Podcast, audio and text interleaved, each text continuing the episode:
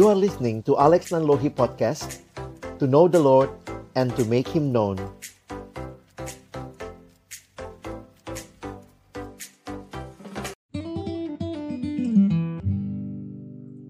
Halo teman-teman, selamat datang kembali di Jalan Bareng Podcast. Hai. Perkenalkan aku Sepri. Aku Bobby. Kita berdua adalah host dari podcast ini. Iya. Dan buat teman-teman yang sudah mendengarkan sampai sejauh ini, terima kasih. Thank Untuk teman-teman yang baru datang, yang baru mendengarkan pertama kali, eh, boleh Selamat dengan datang. selamat datang, dengarkan sampai akhir.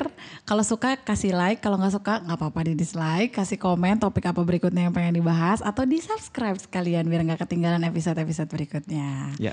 Oke, topik hari ini apa yang akan kita bawakan ini, Pak?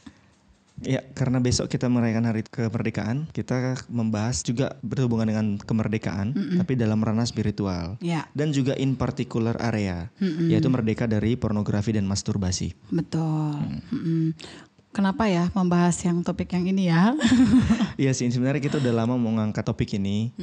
Eh, bahkan juga dalam awal-awal kita mau podcast juga langsung kayaknya mau bahas topik ini. Karena ini juga pergumulanku sebagai suami. Ya, dan juga ini juga mungkin pergumulan banyak orang. ya. Mm-mm. Ya itu sih ya, karena memang berdasarkan berbagai macam artikel yang kita temukan gitu, Iya. dan bahkan fakta-fakta yang saintifik pun, ya porn is di mana-mana gitu, maksudnya Iya. em, porn itu memang ada di mana-mana kan, jadi eh, pasti banyak lah yang terpapar atau bahkan bergumur bergulat di dalam kegiatan dosa ini gitu. Iya.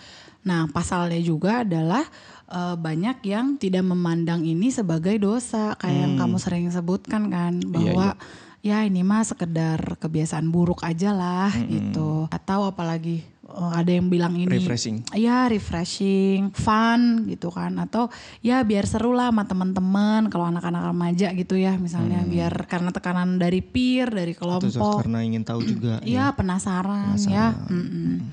Mulailah masuk ke dalam hal ini dan mencoba-coba, pa- tapi akhirnya eh, malah jadi bergulat di dalamnya terus dan bertumbuh di dalam dosa ini Iya. gitu. Itulah mengapa kita ingin membahas topik ini karena dengan ini kita mau bring it to the light Iya. gitu. Supaya jangan lagi kita terkungkung di kegelapan dosa ini dan Iya. aktivitasnya pun biasanya dilakukan dalam gelap. Maksudnya sendirian, tidak ada orang yang menonton, Iya. tidak ada orang yang melihat. Mm-mm. Ya kita melakukannya dengan leluasa gitu Iya. dalam kegelapan. Dan uniknya lagi, eh, meskipun ini banyak dilakukan, maksudnya banyak mungkin yang bergumul dengan dosa ini, tapi tuh aku menemukan sih sedikit yang em, mau terbuka gitu, Iya. bahwa dia mengalami ini Benar. gitu. Nah berdasarkan pengalaman aku sendiri nih, kayak sebagai kakak TB gitu, pernah juga punya kakak laki-laki gitu. em, sampai berapa tahun pun KTB itu kayak susah gitu untuk meng- menguak Iya, iya. si hal ini gitu. Either yang memang mereka nggak bergumul di hal ini atau ya simply karena susah aja terbuka gitu. Iya. Padahal sebenarnya banyak fakta sih kayak data-data di misalnya di apa ya American Psychiatric Association tuh menyebutkan bahwa 50 sampai 90% pria dewasa tuh pasti pernah berhubungan atau berurusan dengan si porn addiction ini. Kalau pada wanita lebih rendah sih sebenarnya sekitar 30 sampai 80%. Tapi sebenarnya both gender bisa gitu berurusan sama masalah ini. Itu kan dari populasi umum ya. Kalau Ya dan uniknya di penelitian ataupun di dunia scientific akademik Iya. bilangnya adiksi ya. iya adiksi. Sehingga kita sadar ini adalah dosa ya. Iya dosa. Dan itu kan tadi populasi umum ya kan ya.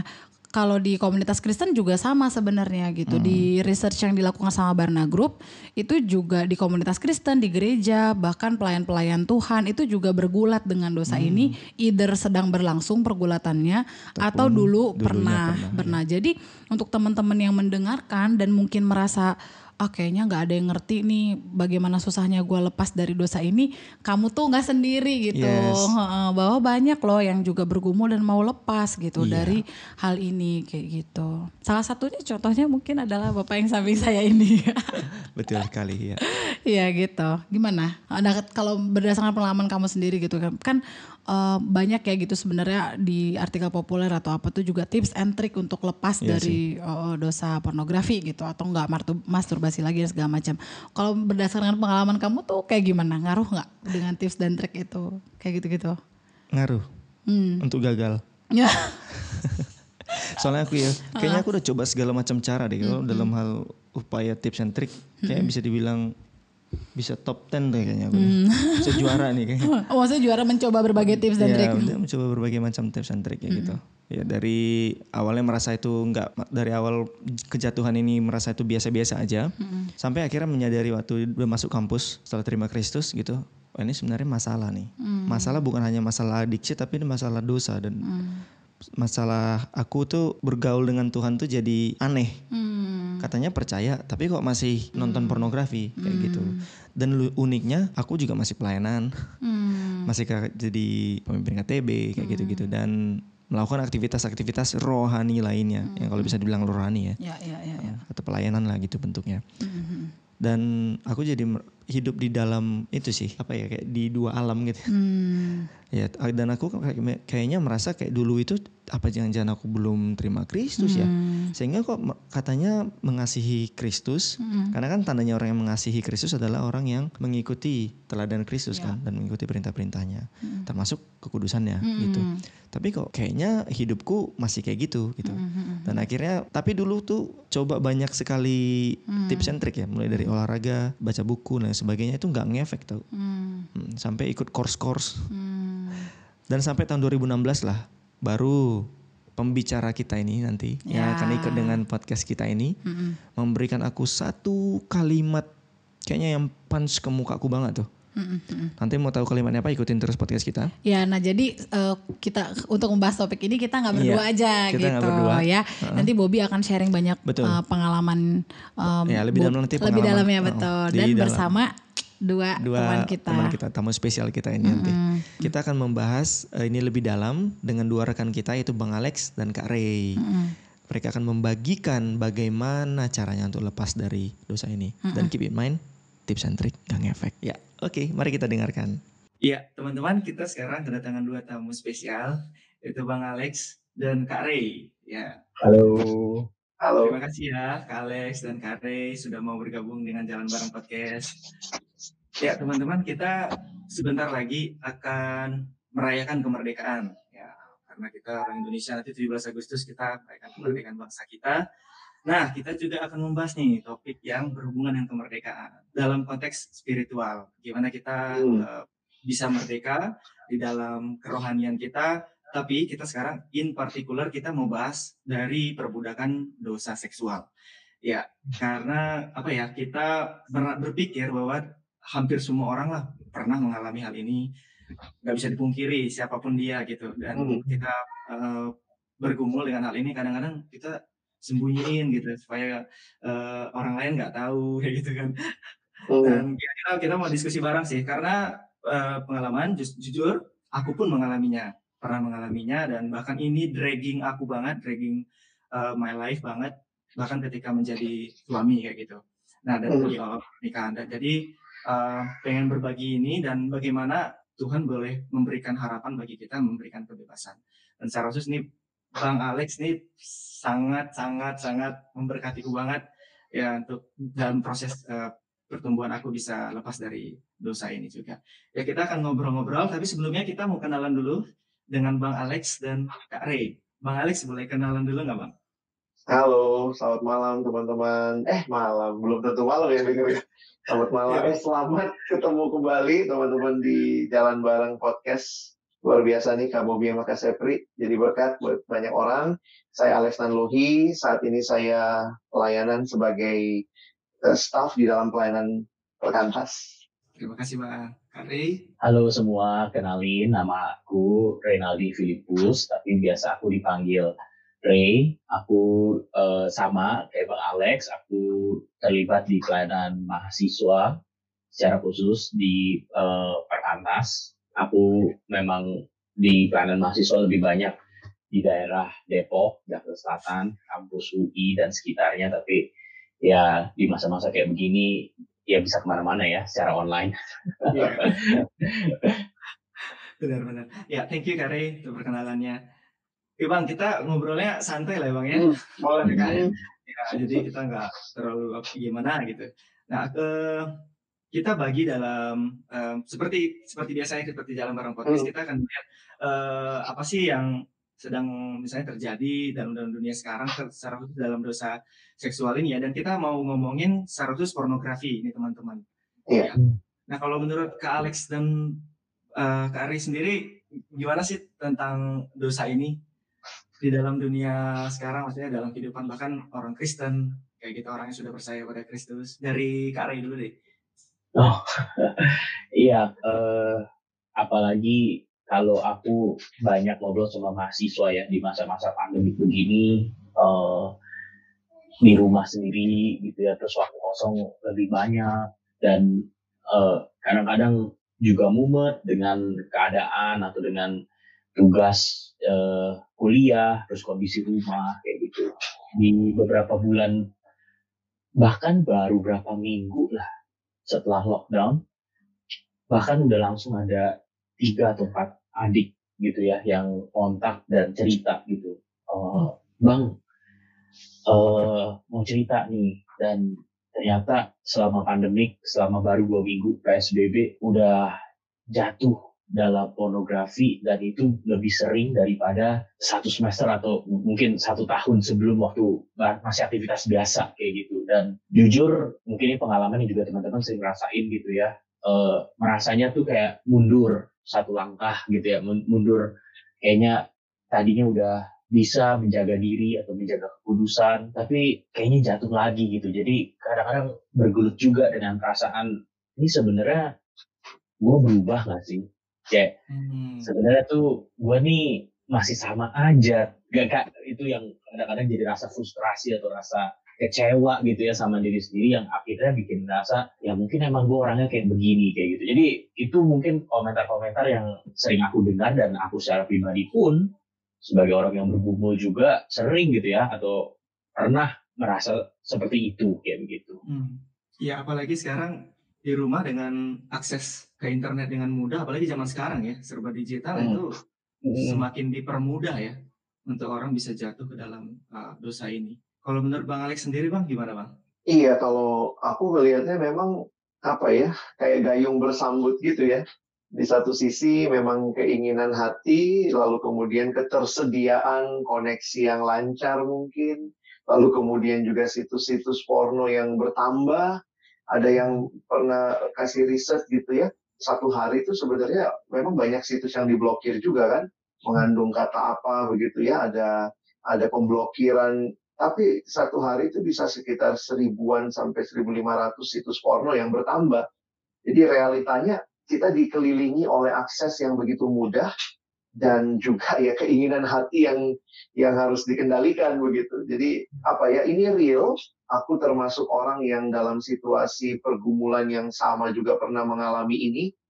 Jadi kalau mau membandingkan kali ya uh, dulu masa-masa yang lalu karena aku kan sejak apa ya kalau kalau cerita pengalaman sejak kelas 5 SD sebenarnya terperangkap dalam pornografi dan itu belum ada internet hmm. jadi bisa dibayangkan tuh belum ada internet bisa punya akses kepada hal-hal tersebut dan sekarang yang kayaknya dulu tuh kita untuk dapat satu apa ya misalnya dapat majalah kah atau tukeran video gitu tuh sama temen itu kayak ngumpetnya luar biasa gitu Nah ini situasinya sekarang kan tinggal ya lu nyalain Bluetooth, gue nyalain Bluetooth bisa bisa send, bisa apa, mau akses internet yang kencang. Jadi aku makin sadar ya bahwa realita ini dialami dalam pergumulan banyak orang karena memang kemudahan akses itu juga.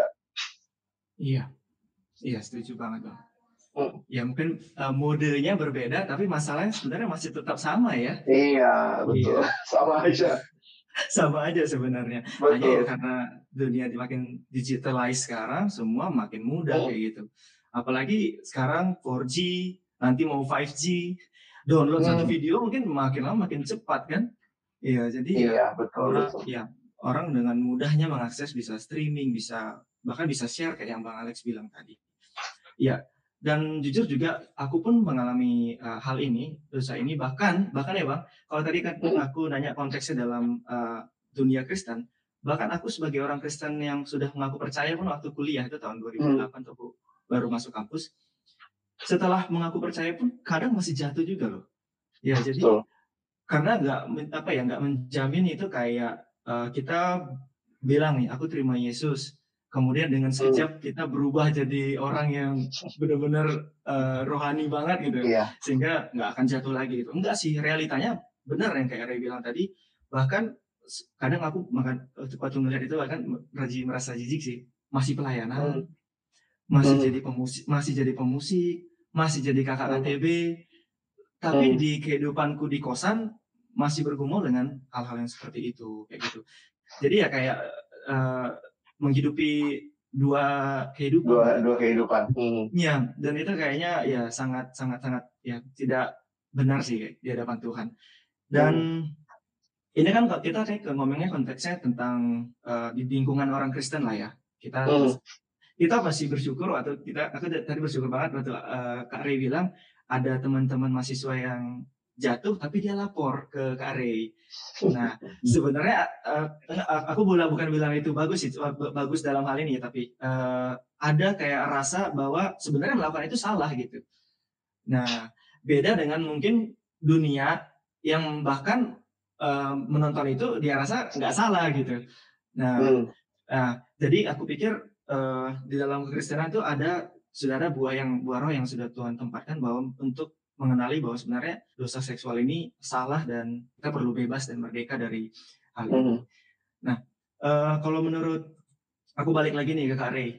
Biasanya Kak Ray, apa sih saran yang Kak Ray sampaikan ke adik-adik atau teman-teman atau bahkan diri sendiri untuk bisa bebas daripada kejatuhan-kejatuhan di dalam dosa seksual itu dalam hal pornografi? kalau aku langkah pertamanya mengaku ada masalah kali ya itu hal yang menurutku aku sering ajukan gitu. Maksudnya sama-sama mengaku ada sesuatu yang terjadi nih dalam diriku. Kadang-kadang emang sih kita pengennya kita berubah gitu ya. Pengennya kita keluar dari kondisi ini gitu. Tapi langkah pertamanya yang biasa aku sharingkan kita mesti sama-sama ngaku bahwa kita nih sedang mengalami sesuatu yang eh, tidak seharusnya kayak gitu. Dan aku sering bilang juga ke adik-adik maupun ke diriku sendiri sebenarnya kalau mau dipikir-pikir pornografi itu bukan akarnya kayak gitu ada ada sesuatu yang lebih mendalam yang terjadi yang mesti kita coba cari tahu aku bilang sama beberapa adik mungkin ada perasaan atau ada keinginan yang yang kamu cari di balik pornografi itu gitu. Jadi bukan salah pornografinya sebenarnya, tapi apa yang kamu cari dari pornografinya itu. Itu pertanyaan-pertanyaan yang menolong kita meneliti hati kita seperti apa gitu. Karena jujur aja, eh, aku ini cerita dari pengalaman juga. Sebenarnya kalau mau buang semua sevan video gitu ya, atau jangan sendirian di kamar. Nah masalahnya enggak, aduh kita terlalu canggih lah mau cari cara berdosa gitu loh maksudnya kita kita nggak bisa di kepala tuh udah kepikir mau ngapain gitu loh. Nggak kita nggak bisa melawan sesuatu yang kita udah rencanakan kayak gitu. Jadi aku bahkan udah di titik waktu itu dalam pergumulan pribadi udah di titik kasih tahu orang password atau nggak sendirian atau waktu capek aja baru pulang kayak begitu begitu akhirnya tetap aja gitu loh.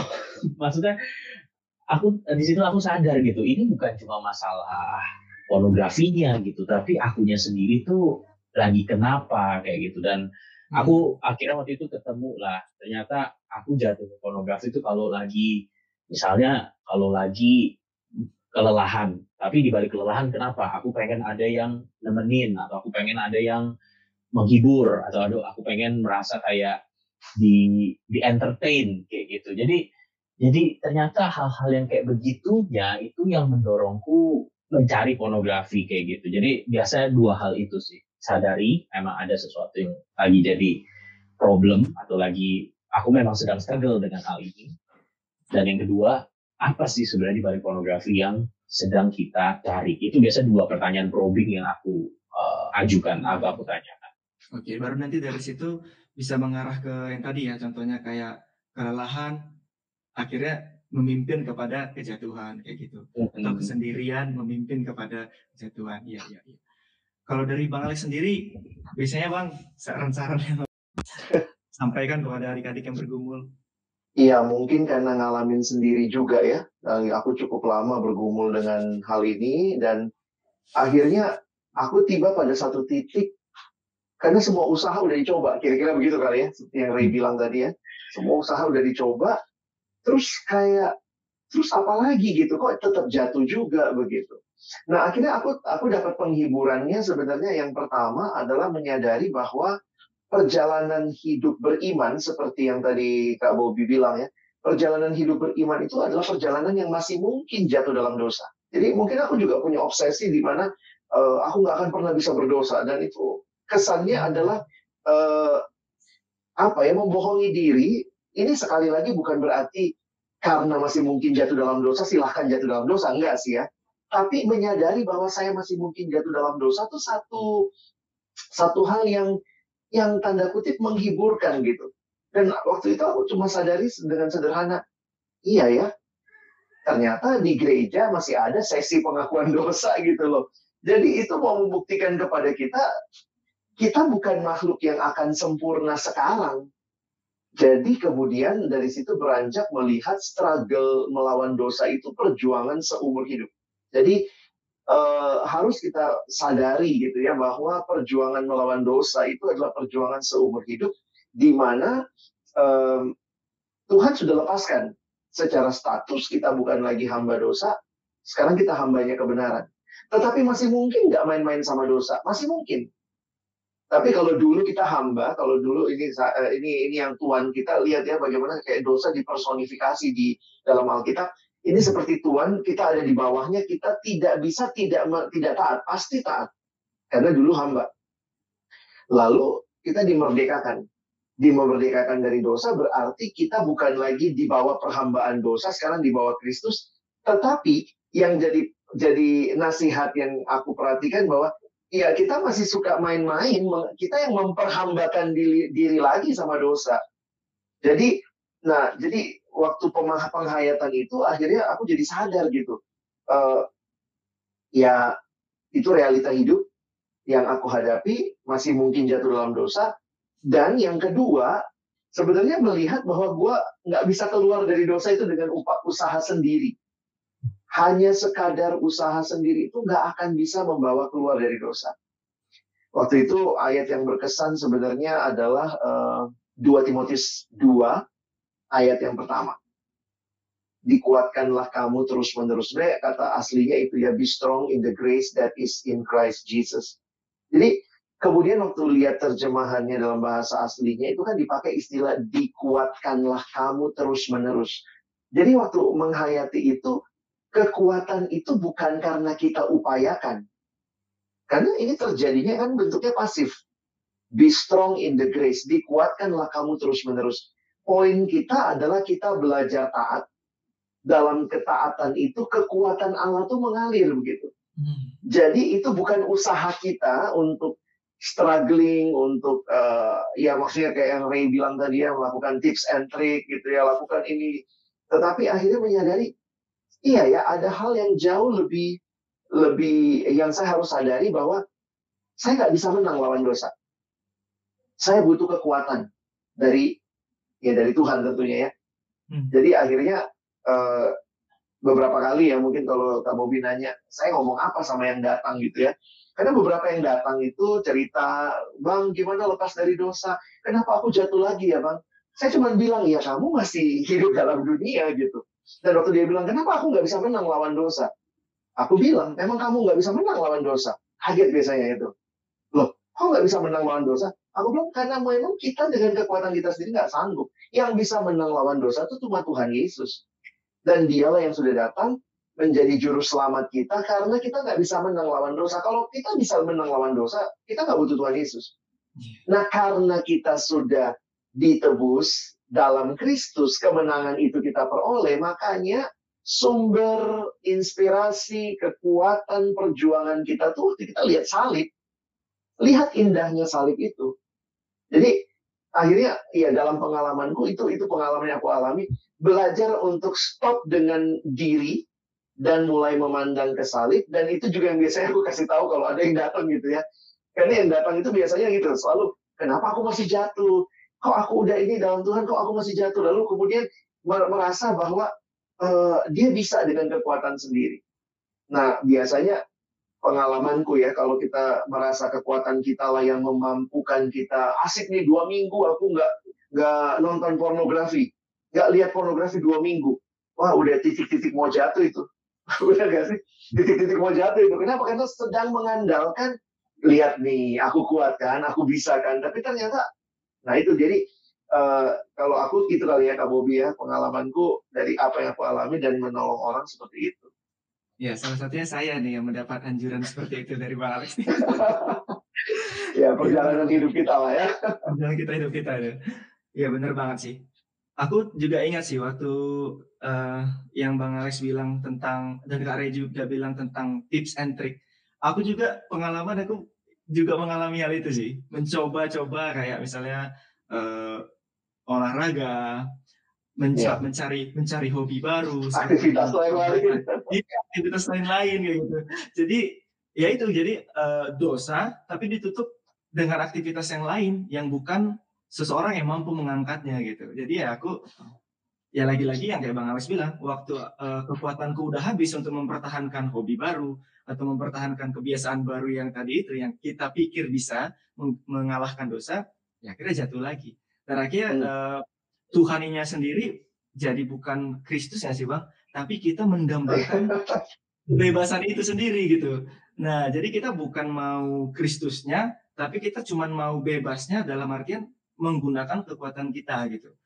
Nah dan hmm. ya dan itu yang bahkan sampai aku awal-awal menikah juga kadang-kadang aku berpikir ya bang, another tip and trick gitu.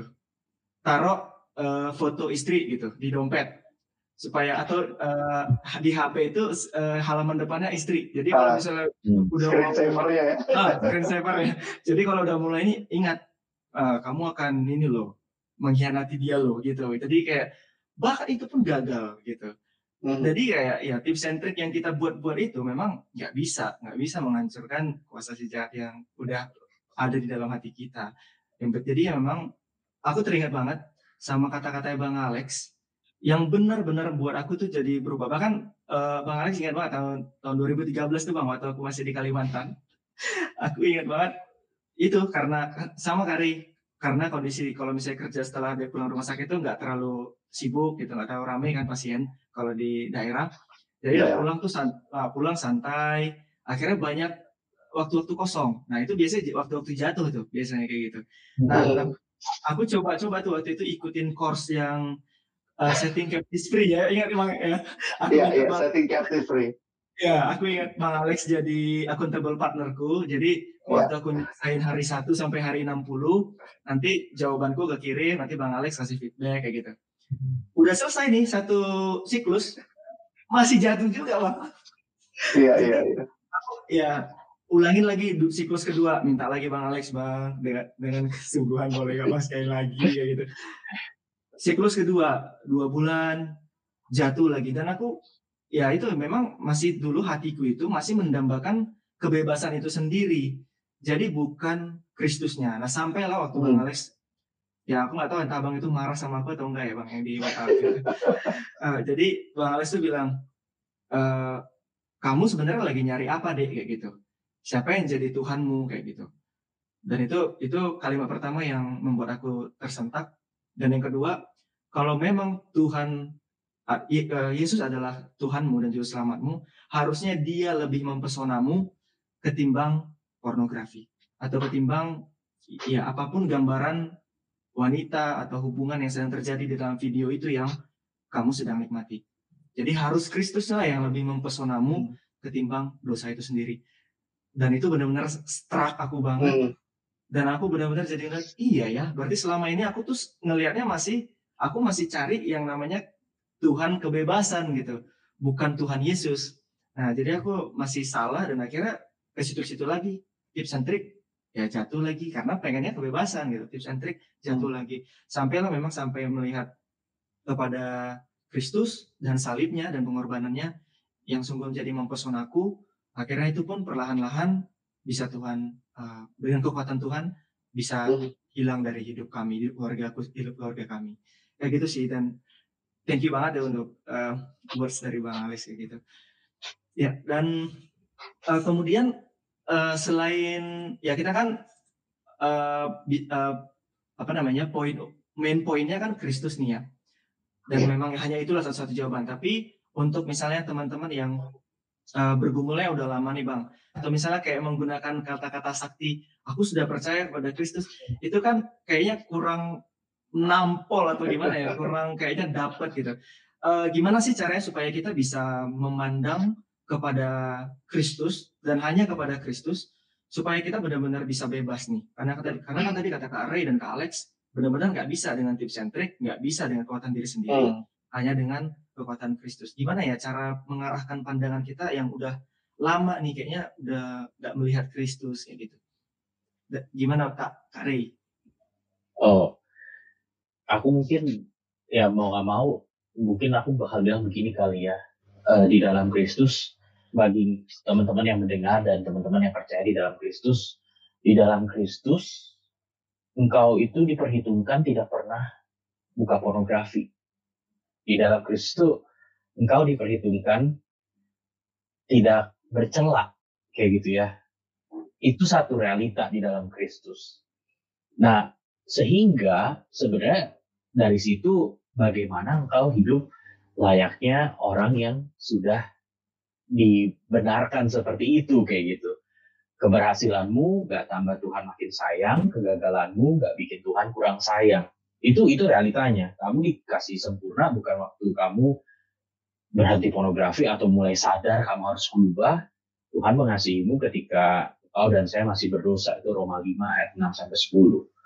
Nah, karena itu bagi saya, bagi aku, uh, buat teman-teman, perjuangan kita adalah menikmati atau mengalami relasi yang intim itu sama Tuhan. Nah, uh, aku dalam kejujuran gitu ya uh, cerita aku akhirnya sadar gitu ya.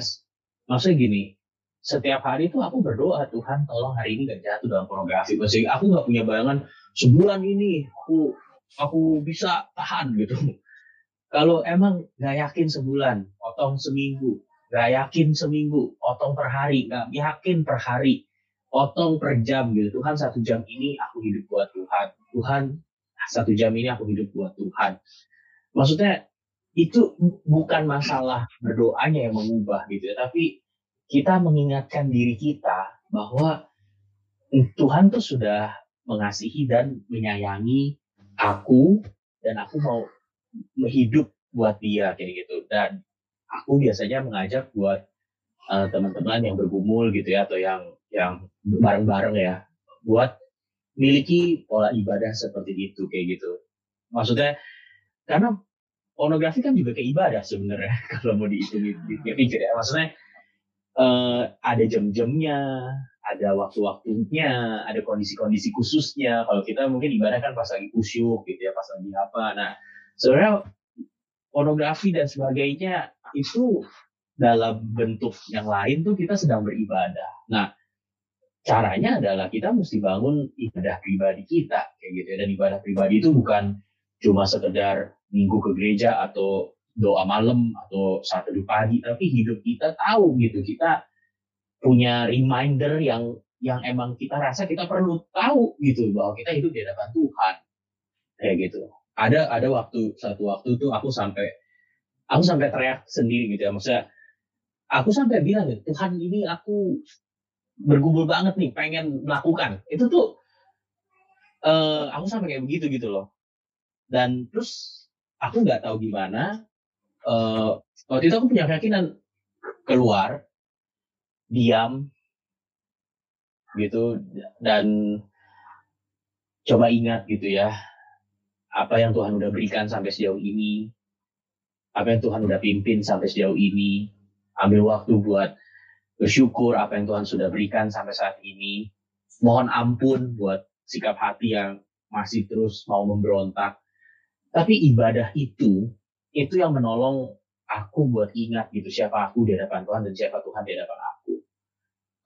Jadi kayak gitu ya, uh, Kak Bobi. Aku mungkin terkesan teman-teman nangkep dari kalau, kalau hanya nangkepnya setengah pembahasan awal kesannya gini, cukup aja bilang percaya sama Tuhan, tiba-tiba bebas gitu ya, tiba-tiba yeah, yeah, yeah, yeah. Uh, selesai gitu. Kalau belum selesai berarti kurang percaya gitu atau kurang meyakini Tuhan juru sama. Tapi aku udah enggak gitu memang sudah benar dalam Kristus kita dikasih sempurna dan tapi dari situlah konsekuensi hidup kita, kedisiplinan atau ketekunan kita atau uh, perjuangan kita untuk menjauhi godaan itu sekarang uh, ada tempatnya gitu ya. Bukan itu yang menjadi sumber keselamatan kita, tapi itu menjadi respon atau uh, ucapan syukur kita kepada Tuhan yang mau kita persembahkan karena kasih kita kepada Tuhan. Jadi mungkin uh, aku nggak usah ngulang lah gitu mesti ngapain kita mungkin udah sama-sama tahu lah ya jelas mesti hapus atau mesti buang atau mesti apa itu udah udah jelas lah gitu kita nggak nggak perlu dibeberin satu-satu tapi ketika kita tahu sikapnya harus seperti apa itu akan menolong kita memaknai ya. setiap hal yang kita lakukan. banget yang dibilang Kak Ray pertama itu relasi ya kekristenan itu uniknya dan indahnya itu ketika hubungan dengan Allah itu adalah seperti bapak dan anak gitu ya, relasi. Hmm. Jadi sebenarnya kita rusak waktu kita sedang jatuh dalam pornografi ini relasi kita dengan dia kayak gitu. Hmm. Jadi yang kayak Ari juga tadi sampaikan bahwa ya sebenarnya jam demi jam harus berrelasi dengan Kristus harusnya. Kalau misalnya sebulan nggak bisa, seminggu nggak bisa, bahkan per hari dikecilkan-kecilkan ya jadi seluruh kehidupan kita harus dijadikan ibadah menyembah kepada Allah yang tepat atau Allah yang benar yaitu Bapa kita itu sendiri. Yang di dalamnya kita berelasi sudah diselamatkan jadi anaknya kayak yang tadi dibilang sudah dianggap tidak bercela. Jadi ya lagi-lagi ya teman-teman ini jadi kekuatan banget ya. Ini anchor yang penting banget bahwa relasi yang intim dengan Kristus itu yang jadi uh, aim utama kita atau yang kita kejar bukan mencari-cari hal tips and trick atau kebiasaan-kebiasaan lain. Gitu. Ya selain hal-hal praktis seperti yang Kak Ray sampaikan, membuang, menghapus konten-konten yang kita punya di laptop, di HP dan lain sebagainya itu itu juga perlu. Ya sama seperti yang Chris bilang kalau uh, matamu sebelah kanan berdosa, cungkil, ya buang gitu. Buang. Ya mungkin ya mungkin konteksnya ini bukan fisik kita yang kita congkel gitu bukan, tapi ya hal-hal yang uh, menghalangi kita untuk bisa berjalan berrelasi dengan Tuhan itu yang kita buang kayak gitu. Thank you untuk poinnya Kak Riko. Kalau Kak uh, Bang Alex, um, ada nggak Bang harapan lain yang bisa kita nikmati hmm. yang secara praktikal bisa kita uh, ambil gitu dari Injil? Kalau aku melihat Injil itu tidak meniadakan tanggung jawab kita. Jadi memang Injil membebaskan dan ketika kita sudah bebas, kita di dalamnya mendapat sukacita, maka semua tanggung jawab kita akan menjadi tanggung jawab yang sukacita, joyful duty. Jadi kita akan taat dengan sukacita, bukan taat karena takut dikutuk gitu ya, bukan taat karena takut dihukum. Jadi uh, joyful sukacita itu yang yang bagi saya uh, menjadi ciri sebenarnya orang yang benar-benar dimerdekakan dari dosa, dia akan taat karena dia menikmati Tuhan yang sudah memberikan hidupnya buat kita, menyelamatkan. Jadi praktisnya saya melihatnya begini kali ya, uh, punya cara pandang yang baru, ya, hmm. melakukan disiplin-disiplin rohani. Karena seperti yang tadi uh, Bang Ray bilang ya, bahwa yang namanya berelasi dengan Tuhan itu harus dibangun bagiku tuh uh, jadi sebenarnya gini setiap kita ini karena kita ini makhluk yang relasional makhluk yang berkaitan dengan cinta gitu ya hmm. kita lagi bangun cinta sama sama pornografi tambah lama tambah cinta tambah nikmati koleksi satu tambah lagi tambah lagi itu kan menunjukkan bahwa ada satu satu penambahan knowledge penambahan uh, selera makin nambah dan akhirnya itu membangun sebuah liturgi baru dalam hidup kita sehingga ada orang-orang yang kayak, dan bayangkan ya kalau udah liturgi itu, jadi memang persis kayak ibadah ya. E, kecanduan apa pun itu sebenarnya itu masalah cinta, dan masalah cinta ini berkaitan dengan masalah penyembahan. Penyembahan itu menciptakan sebuah liturgi. Hmm. Jadi teman-teman bisa cek deh seperti yang tadi Bang Ray bilang ya. Coba perhatiin, biasanya orang yang yang jatuh dalam dosa pornografi itu ada liturginya dia akan misalnya jatuh di jam-jam tertentu atau di suasana tertentu. Jadi bayangkan ketika dia tidak sedang memikirkan itu pun, tapi karena karena suasananya, jadi itu lucu ya. Ada yang bilang gini, bang, gue uh, biar nggak biar nggak pornografi kan biasanya pornografi nyambungnya ke masturbasi maka habiskan tenaga gitu kan olahraga sampai capek biar langsung tidur tapi ternyata dalam pengalaman banyak yang lagi capek juga nonton juga masturbasi juga jadi ini bukan masalah capeknya yang mesti diselesaikan gitu jadi akhirnya aku lihat ya iya ya realitanya ada liturgi yang diciptakan dan liturgi itu sudah menjadi satu pola bangun jadi uh, nah ini kalau teman-teman tertarik sih coba cari buku yang judulnya uh, You Are What You Love ya nah hmm. penulisnya James K. S. Smith itu mencoba membahas itu bahwa subconsciously ada ritual yang dibangun oleh setiap cinta yang salah itu sehingga untuk mengatasi cinta yang salah harus bangun cinta kepada yang benar Nah, bagaimana membangun cinta kepada yang benar butuh sama sekali lagi ritual. Ritualnya ini jangan berpikir apa ya, tapi ritualnya kalau saya pakai bahasa kita, ya disiplin rohani. Yang kita disiplinkan, seperti tadi kalau yang Ray cerita itu, itu disiplin mengaku dosa gitu. Mengaku dosanya apa? Setiap waktu kalau perlu gitu ya. Dalam pengertian bahwa menyadari Tuhan motivasi gue nggak benar-benar amat nih gitu.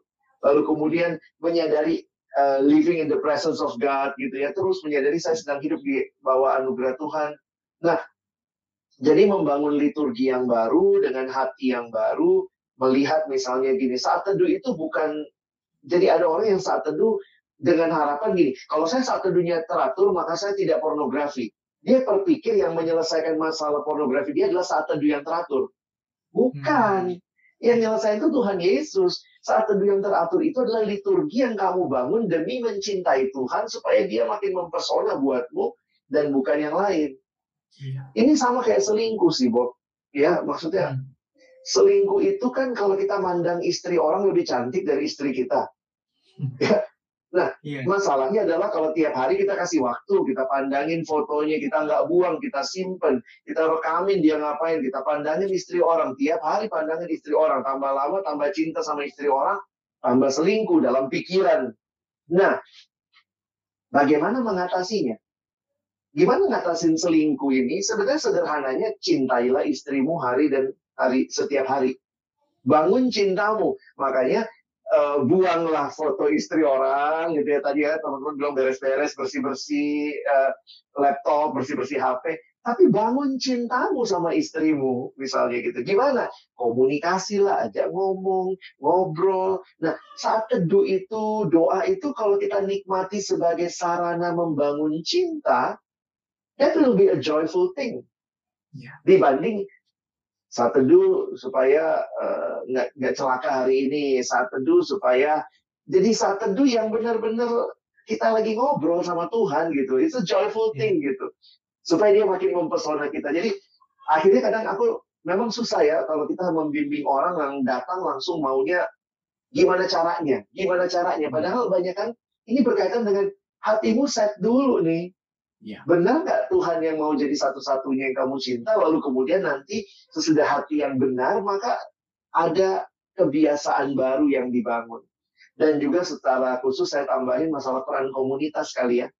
Iya. Pentingnya ya. komunitas. Jadi teman-teman, kakak rohani yang mendoakan, membimbing kita, dan itu jadi cara Tuhan mengingatkan kita. Iya. Thank you, Kak Alex dan Kak Ray. Ya kalau bisa aku simpulkan ya, kalau teman-teman yang dengar pengen tahu cara praktis, ya kayaknya sampai menit ke 40 ini kayaknya belum menemukan ya. Tapi sebenarnya kalau ditilik-tilik sebenarnya udah disampaikan oleh uh, kita semua. Yang pertama tadi ya tadi relasi itu harus kita bangun bersama dengan Tuhan. Ya kalau teman-teman kebiasaan uh, tadinya menyembahnya pornografi, yang menyembahlah kepada Allah yang benar tadi seperti itu. Atau pernah juga Bang Alex kasih ayat yang Yeremia 2 ayat 13 ya Bang. Kalau kita mengambil minumnya dari kolam yang bocor, ya kita nggak akan puas. Jadi datanglah kepada the living fountain yaitu Kristus. Ya, kalau teman-teman boleh baca di Yohanes 4, di mana Tuhan Yesus menyatakan dirinya adalah air yang hidup. Di mana kita bisa mengambil terus daripadanya. Tuhan Yesus itu nggak akan pernah bete ya bang kalau kita ngambil air terus dari dia ya. Bahkan dia senang ya. Dia sumbernya. dia sumbernya. Ya, jadi uh, ketika teman-teman secara spiritual membutuhkan pertolongan atau haus, jangan lari kepada hal yang uh, kolam yang tadi yang salah tapi ke living fountain. Kemudian tadi disampaikan juga oleh Bang Alex uh, dan Kare tentang tips yang membuang itu itu udah pastilah harus dikerjakan.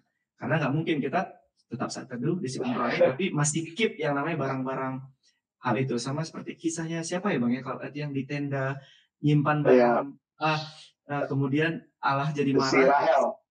Oh, uh, si Yosua um, tujuh ya. Iya, jadi satu bangsa yang kena hukum kayak gitu ya. Jadi Betul. kalau teman-teman kalau ada barang-barang yang uh, uh, hal-hal itu ya dibuang lah. Nah, kemudian ya untuk yang berkeluarga ya lihat lagi uh, bahwa ini sebenarnya ada sangkut pautnya dengan selingkuh sebenarnya. Ya baik kita selingkuh dalam pikiran kita maupun uh, meskipun kita nggak langsung itu ya nggak berhubungan langsung lah.